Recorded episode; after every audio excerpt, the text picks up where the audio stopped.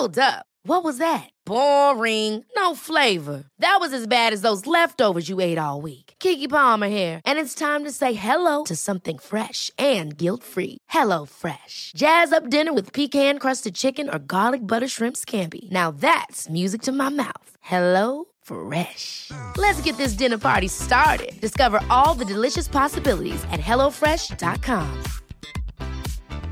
Even on a budget, quality is non-negotiable. That's why Quince is the place to score high-end essentials at 50 to 80% less than similar brands. Get your hands on buttery soft cashmere sweaters from just 60 bucks, Italian leather jackets, and so much more. And the best part about Quince, they exclusively partner with factories committed to safe, ethical, and responsible manufacturing. Elevate your style without the elevated price tag with Quince. Go to quince.com slash upgrade for free shipping and 365-day returns. One size fits all seems like a good idea for clothes until you try them on. Same goes for healthcare. That's why United Healthcare offers flexible, budget friendly coverage for medical, vision, dental, and more. Learn more at uh1.com.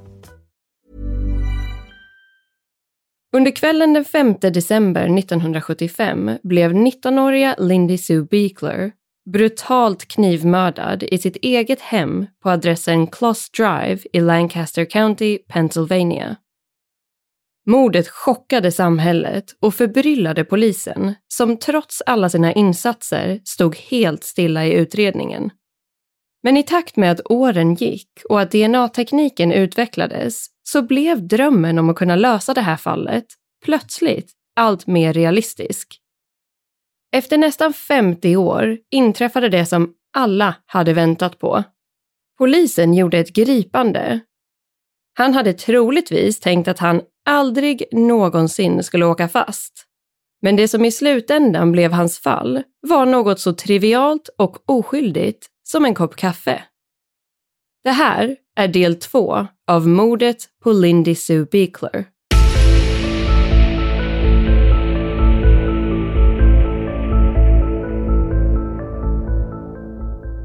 Hej på er och varmt välkomna ska ni vara till den här veckans avsnitt och del två av mordet på Lindy Sue Beekler.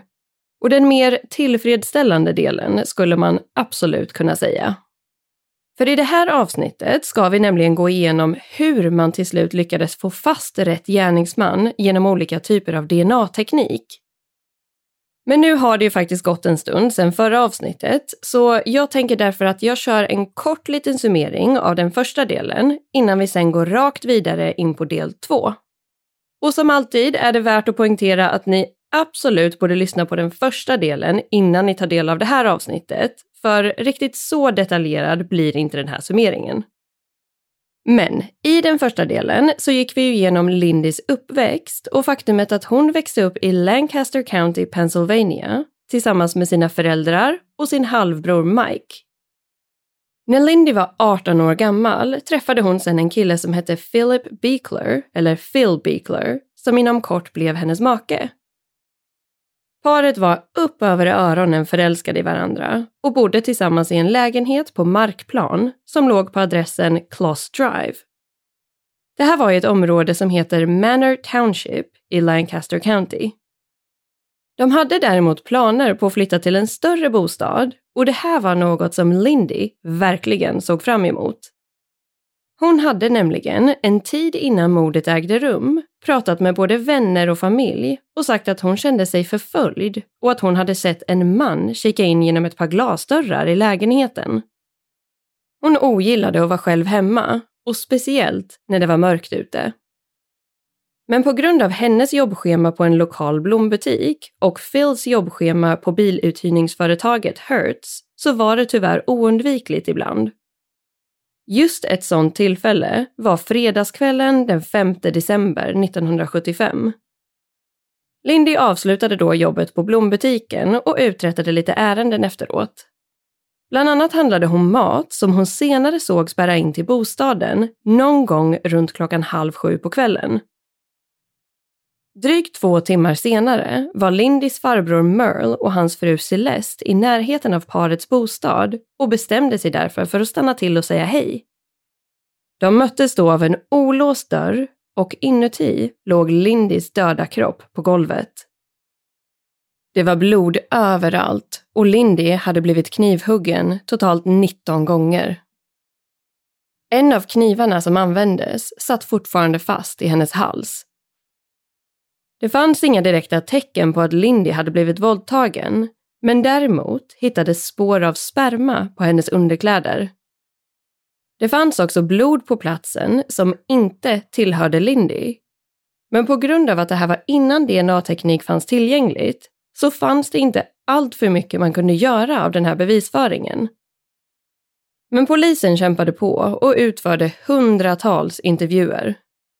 Flera misstänkta utreddes och uteslöts.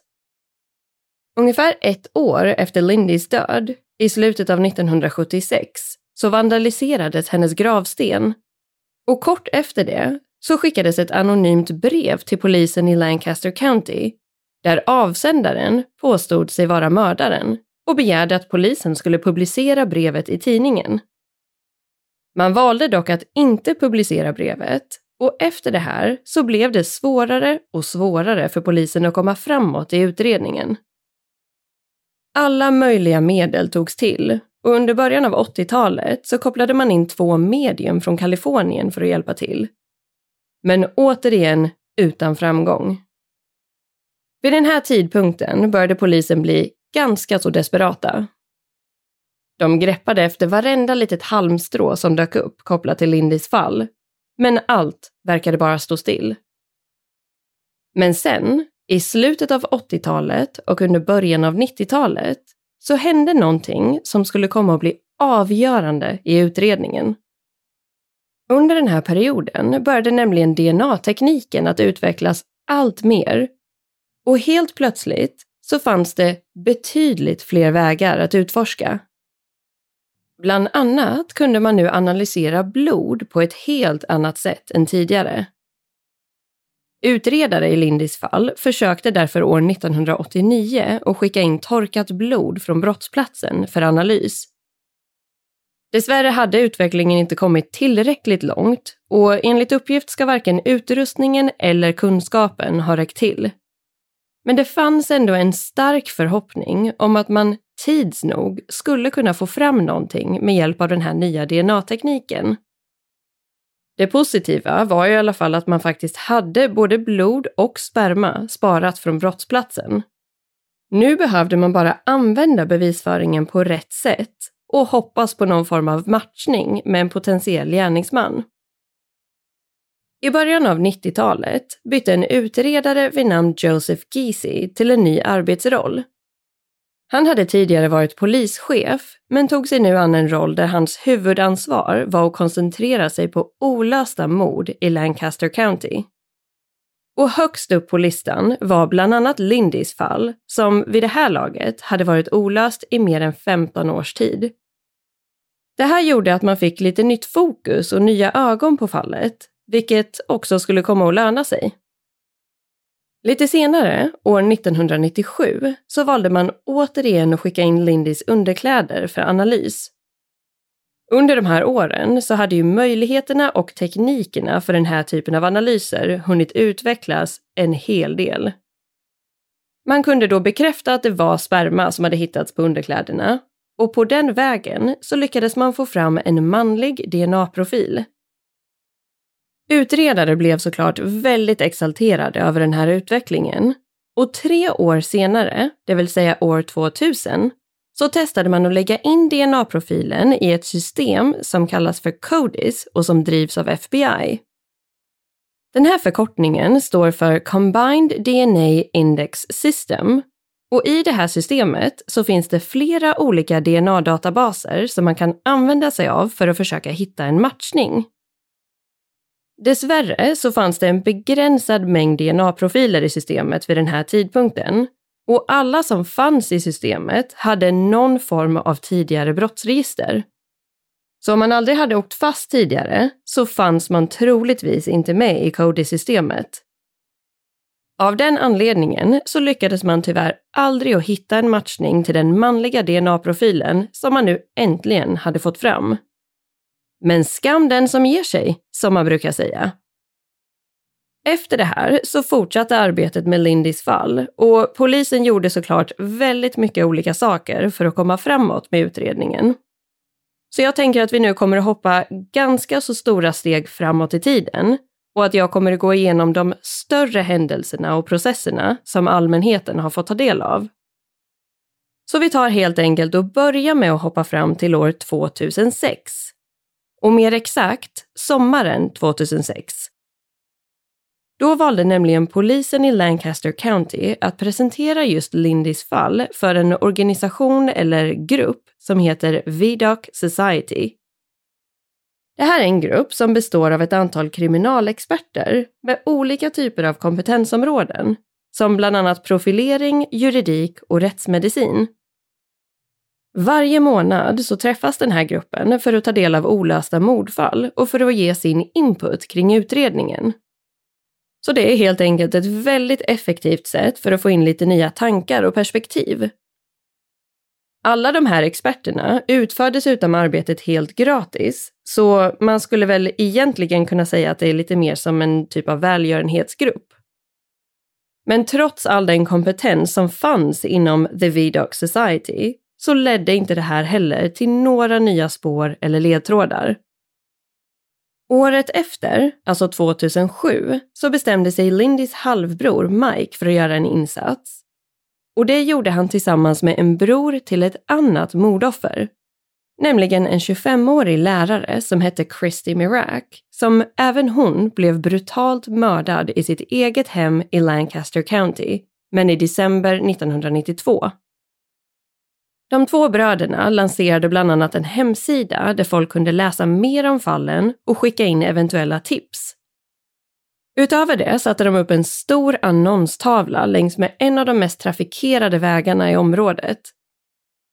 På den här annonstavlan var det bilder på Lindy och Christy ihop med texten “Do you know who murdered us?” Alltså, vet du vem som mördade oss? En text som var formulerad för att folk skulle reagera och stanna till. Det här gjorde absolut att folk började prata om både Christie och Lindys fall igen. Men tyvärr så kom det aldrig in några nya och tillräckligt konkreta tips som polisen faktiskt kunde jobba vidare med. Men sen, under sommaren 2018, det vill säga mer än ett decennium senare, så hände någonting riktigt stort. Då greps nämligen en 49-årig man som heter Raymond Rowe av polis. Han var däremot inte inblandad i Lindys fall, utan han greps för det tidigare olösta mordet på Christy Mirac. Och anledningen till att polisen till slut lyckades spåra hennes mördare var genom nya och banbrytande DNA-metoder. Utredare i hennes fall hade nämligen tagit hjälp av ett labb som är baserade i Virginia och som heter Parabon Nanolabs. De i sin tur hade då med hjälp av DNA-profilen från brottsplatsen tagit fram skisser på hur Christies mördare skulle ha kunnat se ut vid tidpunkten för mordet och sen flera år senare. Parabon Nanolabs hade nämligen bland annat kunnat se att gärningsmannen hade både latinamerikanskt och europeiskt ursprung och flera andra aspekter som tillsammans skapade någon form av bild av hur den här individen skulle kunna se ut. De hade också använt sig av forensisk genetisk genealogi, alltså genetisk släktforskning, eller DNA-baserad släktforskning. Just de här skisserna i sig ledde däremot inte fram till mördaren Raymond Rowe, utan det var främst tack vare arbetet som utfördes kring att spåra släktingar till den personen som DNA kunde kopplas till. Men till slut så lyckades man i alla fall få fast Christies mördare en gång för alla, vilket såklart var ett enormt genombrott och en stor lättnad för hennes familj och anhöriga. Och trots att man tyvärr fortfarande inte hade kunnat lösa Lindys fall så var även hennes anhöriga oerhört glada för Christies familj eftersom att de visste exakt vad de hade behövt gå igenom. Men efter det här gripandet så började såklart Lindys familj att fundera över om man kanske skulle kunna använda samma typ av DNA-teknik för att hitta hennes mördare också. Det fanns ju trots allt både sperma och blod sparat från brottsplatsen. Så Kanske var det här värt att utforska även i hennes fall. Faktumet att man kunde lokalisera misstänkta genom den här typen av teknik blev ju också mer välkänt bland allmänheten under våren 2018 när man äntligen lyckades gripa Joseph DeAngelo, också känd som The Golden State Killer, genom ett liknande tillvägagångssätt. Men det fanns ju i alla fall en hel del som talade för att det här skulle kunna vara ett effektivt tillvägagångssätt även i Lindys utredning. Sagt och gjort, året efter, i september 2019, så släppte polisen i Lancaster County två olika skisser till allmänheten. Skisserna hade tagits fram av samma labb som hjälpte till i Christy Miracks fall, alltså Parabon Nanolabs. Den ena skissen föreställde hur Lindys mördare skulle ha kunnat se ut vid 25 års ålder och den andra skissen föreställde hur han skulle ha kunnat se ut vid 65 års ålder. Utifrån DNA-profilen hade labbet lyckats få fram information om bland annat individens hudton, ögonfärg och hårfärg. Detaljer som framgick var till exempel att personen i fråga troligtvis hade relativt ljus hudton, gröna eller bruna ögon, brunt eller svart hår och inga fräknar. Och de här påståendena varierade mellan 77,8 till 95,8 procent säkerhet. Däremot var det ju såklart helt omöjligt att veta om den här individen hade till exempel färgat håret eller använde färgade linser i syfte att förändra sitt utseende. På de här skisserna kan man också se att man med 60% säkerhet visste att personen hade ursprung från södra Europa och mer exakt från Italien. Men precis som i Christies fall så räckte inte skisserna utan man behövde fortfarande mer information för att komma vidare. I kombination med ännu mer research och släktforskning så lyckades till slut en erfaren anställd vid Parabon Nanolabs, en kvinna vid namn C.C. Moore, och få fram minst sagt avgörande information. Hon upptäckte nämligen att den här individen mer specifikt hade släktkopplingar till en väldigt liten stad i södra Italien som heter Gasperina. Hon kunde också se att han hade en hel del släkt i Lancaster County. Just den här kombinationen av ursprung och faktumet att hans släkt kom från en så pass liten stad i Italien gjorde det i alla fall lite enklare för Cici att kunna spåra personen. Hon kunde nämligen få fram att det fanns drygt 2000 personer med italienskt ursprung som bodde i Lancaster County under den relevanta tidsperioden för mordet, det vill säga mitten av 70-talet. Därefter ska hon ha letat vidare kring vilka av dessa personer som hade släktingar som kom från just Gasperina efter det så använde hon sig bland annat av allmänna databaser, gamla tidningsurklipp, sociala medier och domstolsdokument för att komplettera sin research. Det här innebar enormt mycket arbete, men till slut så lyckades Cici med det man hade hoppats på och jobbat för i nästan 50 års tid. Hon hade nu fått fram en potentiell misstänkt för Lindys mord.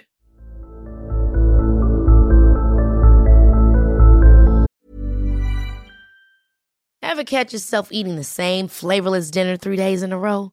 Dreaming of something better? Well, HelloFresh is your guilt-free dream come true, baby. It's me, Gigi Palmer. Let's wake up those taste buds with hot, juicy pecan-crusted chicken or garlic butter shrimp scampi. Mm. Hello Fresh. Stop dreaming of all the delicious possibilities and dig in at HelloFresh.com. Let's get this dinner party started.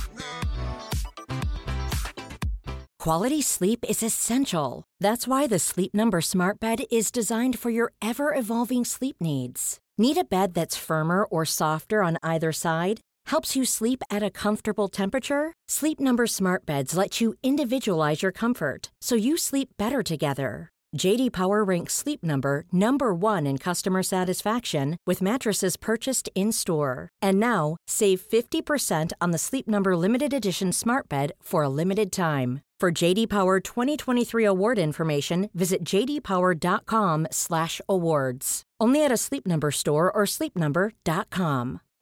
Life is full of what ifs. Some awesome, like what if AI could fold your laundry? And some, well, less awesome, like what if you have unexpected medical costs? United Healthcare can help get you covered with Health Protector Guard fixed indemnity insurance plans. They supplement your primary plan to help you manage out of pocket costs. No deductibles, no enrollment periods, and especially no more what ifs. Visit uh1.com to find the Health Protector Guard plan for you.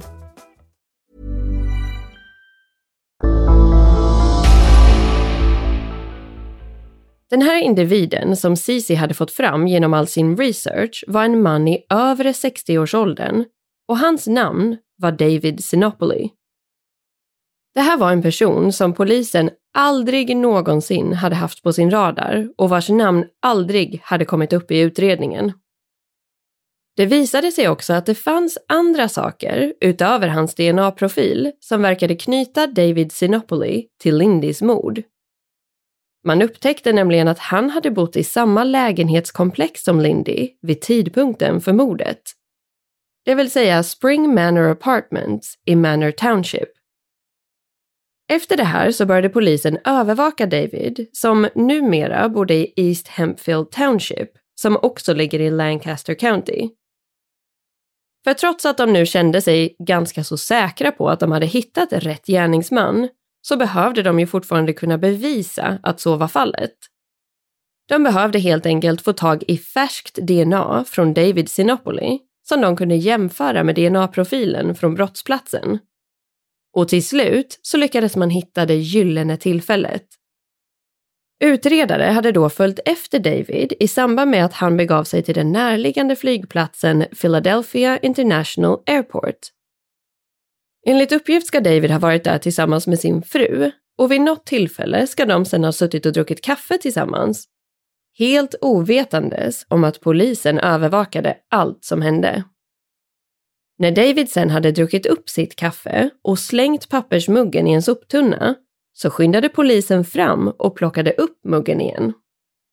Och på den vägen så lyckades de få fram och bekräfta David Sinopolis DNA. Därefter utfördes tester för att jämföra DNA från kaffemuggen med DNA-profilen som man under senare år hade lyckats få fram genom det torkade blodet och spåren av sperma som hade lämnats kvar på brottsplatsen. Och mycket riktigt så var det här en perfekt matchning. Så i slutet av juli 2022, alltså så sent som i somras, så gick polisen ut med information om att man äntligen hade gjort ett gripande och att man hade hittat Lindys mördare efter nästan 47 år. På grund av att det hade gått så pass många år så hade såklart både polisen och Lindys anhöriga insett att det fanns en risk för att hennes mördare inte längre skulle vara vid liv, även om man nu lyckades spåra honom. Men så var ju inte fallet, utan David Sinopoli var fullt levande och hade hunnit bli 68 år gammal vid tidpunkten för gripandet. Så vad vet man egentligen om den här mannen? Jo, man vet som sagt att han hade bott i samma lägenhetsbyggnad som Lindy och att han själv hade varit precis i början av 20-årsåldern då mordet ägde rum. Det vill säga mer eller mindre jämnårig med Lindy som var 19 år gammal. David ska också ha gift sig med sin första fru bara något år innan han mördade Lindy. De ska senare ha fått två barn tillsammans innan de skilde sig år 1986. Året efter det, 1987, så ska han ha gift om sig med sin andra fru och även de fick ett barn tillsammans. År 2004, alltså när David var 50 år gammal, så ska han ha gripits av polis eftersom att han under sitt arbetspass hade spionerat på en kvinna som var naken inne i ett solarium. Ett solarium som tillhörde en skönhetssalong som ägdes av Davids fru. Han ska senare ha erkänt sig skyldig till brottet och kommit undan med ett års skyddstillsyn. Det här var egentligen hans enda brottsregister och i somras blev han alltså gripen för ett av de mest brutala morden som någonsin ägt rum i Lancaster County. Så med tanke på att han hade en historik av att spionera på okända kvinnor så kan man ju tänka sig att det eventuellt kunde ha varit just David som Lindy hade sett kika in genom glasdörrarna i deras lägenhet. Det här finns det inga egentliga bevis för, men med största sannolikhet så hade Lindy haft rätt när hon kände att det var någon som bevakade henne eller följde efter henne. David hade ju också dessutom alla möjligheter för att kunna göra det med tanke på att de också bodde i samma lägenhetsbyggnad. Men en sak som många av er kanske undrar över är ju om de här skisserna från Parabon Nanolabs faktiskt stämde överens med hur David Sinopoli såg ut. Och vi kan ju kanske dela de här skisserna i våran story på Instagram sen, men eh, det går såklart också att googla fram väldigt enkelt. Men sammanfattningsvis skulle man väl kunna säga att det absolut finns vissa likheter, men att det inte är någon kopia direkt. Däremot stämde ju såklart den huvudsakliga informationen kring att han bland annat hade italienskt påbrå. Det är ju även lite intressant att de två medium som polisen tog hjälp av under början av 80-talet också ska ha nämnt att gärningsmannen eventuellt hade italienskt påbrå. En annan sak som många undrar över är om det faktiskt var David Sinopoli som skickade in det anonyma brevet till polisen år 1977. Det finns vissa saker som skrevs i brevet som matchade ganska bra med David, men desto fler saker som inte verkar stämma särskilt bra överens. FBI har också uttalat sig om att det inte känns särskilt troligt att det är Lindys mördare som faktiskt skrev det här ökända brevet. Och vad vi har kunnat hitta så finns det idag inga bekräftade uppgifter om att han ska ha skrivit det. Sen var det också så att själva originalet av brevet tyvärr försvann eller slarvades bort så även om man verkligen skulle vilja ta reda på vem avsändaren var, så lär det ju tyvärr vara helt omöjligt idag. Men i grund och botten så spelar det ju faktiskt ingen roll eftersom att man nu genom DNA har kunnat bevisa att David Sinopoli befann sig på mordplatsen under den där fredagskvällen den 5 december 1975. Det ska dock sägas att han än så länge inte har blivit dömd för mordet på Lindy eftersom att han greps nu i somras. Så i dagsläget sitter David Sinopoli häktad i väntan på sin rättegång utan möjlighet att släppas mot borgen. Så man skulle kunna säga att det här fallet är löst och man vet vem mördaren är. Men än så länge vet vi ju inte hur rättegången kommer gå och vilket straff han kommer få. Än idag är det fortfarande oklart vad som drev David till att utföra ett så pass brutalt och hänsynslöst mord. Många har också funderat över faktumet att han knivhögg Lindy inte bara en, inte bara två, utan hela 19 gånger, vilket definitivt skulle kunna kategoriseras som övervåld. Det finns därför vissa spekulationer om att det här mordet skulle ha varit högst personligt och att Lindy och David skulle ha känt varandra på något vis. Det var ju dessutom så att dörren på brottsplatsen var olåst och det ska inte heller ha funnits några som helst tecken på att någon hade försökt bryta sig in i bostaden. Det här skulle ju eventuellt ha kunnat förklaras genom att Lindy faktiskt valde att öppna dörren för David eftersom att hon antingen kände honom eller i alla fall kände igen honom från byggnaden. Men allt det här är som sagt bara lösa spekulationer och eventuellt så kommer mer information och någon form av förklaring till hans motiv att komma fram under den senare rättegången. Lindys tidigare make, Phil Beekler, uttalade sig redan under början av utredningen om att han hade en känsla av att gärningsmannen skulle vara någon som både han och Lindy kände.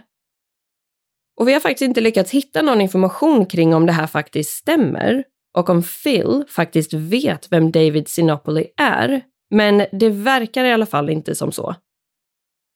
Men om Lindy och David inte kände varandra så är det inte många som tror att Lindy hade valt att öppna dörren för en okänd man.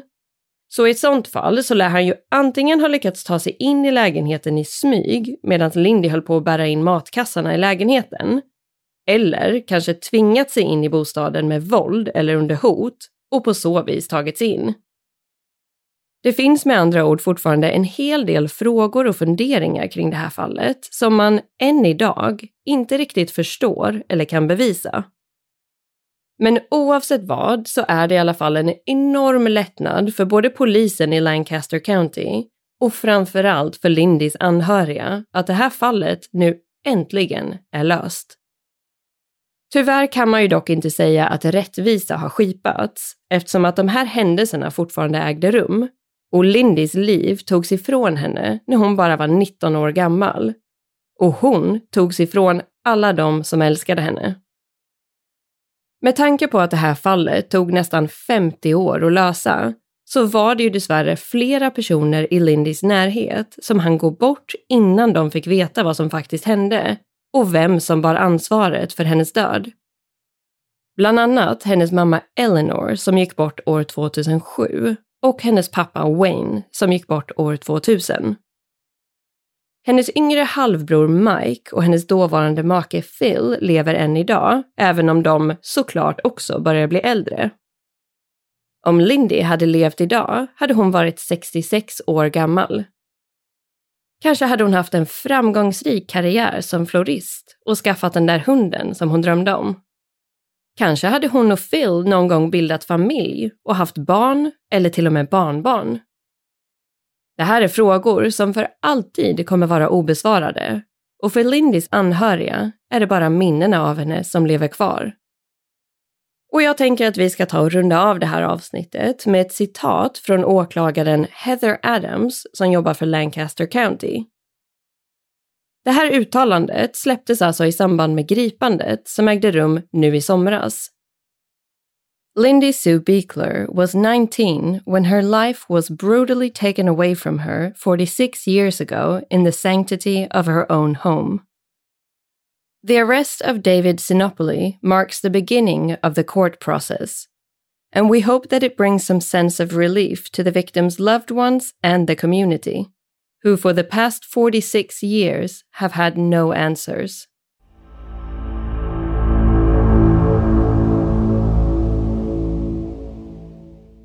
Mm, det här var alltså den andra och sista delen av det här fallet. Och jag tänker att ni förmodligen håller med mig i det här, men vore det inte härligt om alla olösta mord som vi tar upp i den här podden faktiskt kunde ha en sån här andra del som handlar just om hur man faktiskt löste mordet och att rätt person är gripen. För det finns ju så oerhört många fall där ute som man så gärna vill att det ska finnas en lösning på. Både gällande mordfall men också alla försvinnanden. Och framförallt att offrens anhöriga ska kunna få någon form av avslut genom att få ta del av vad som hände och vem eller vilka som bär ansvaret. Men med tanke på att det här fallet plötsligt blev löst efter nästan 50 år så ska man ju aldrig säga aldrig. Det finns ju absolut hopp och speciellt med tanke på att DNA-tekniken bara kommer att utvecklas mer och mer framöver. Men jag tänker faktiskt också att det återigen kan vara värt att poängtera att den här mannen, David Sinopoli, alltså bara sitter häktad i nuläget. Han har med andra ord inte dömts ännu och rent krast så kan man väl egentligen inte säga att han är skyldig än. Däremot känns det ju som att det ska mycket till för att motbevisa att han är skyldig till mordet på Lindy. Men eh, ja, vi får väl se hur det går helt enkelt och exakt när den här rättegången faktiskt kommer bli av. Men innan vi tar och rundar av för den här veckan så vill vi såklart bara passa på att säga tusen tack för att just du har valt att lyssna på det här avsnittet av Risa-podden.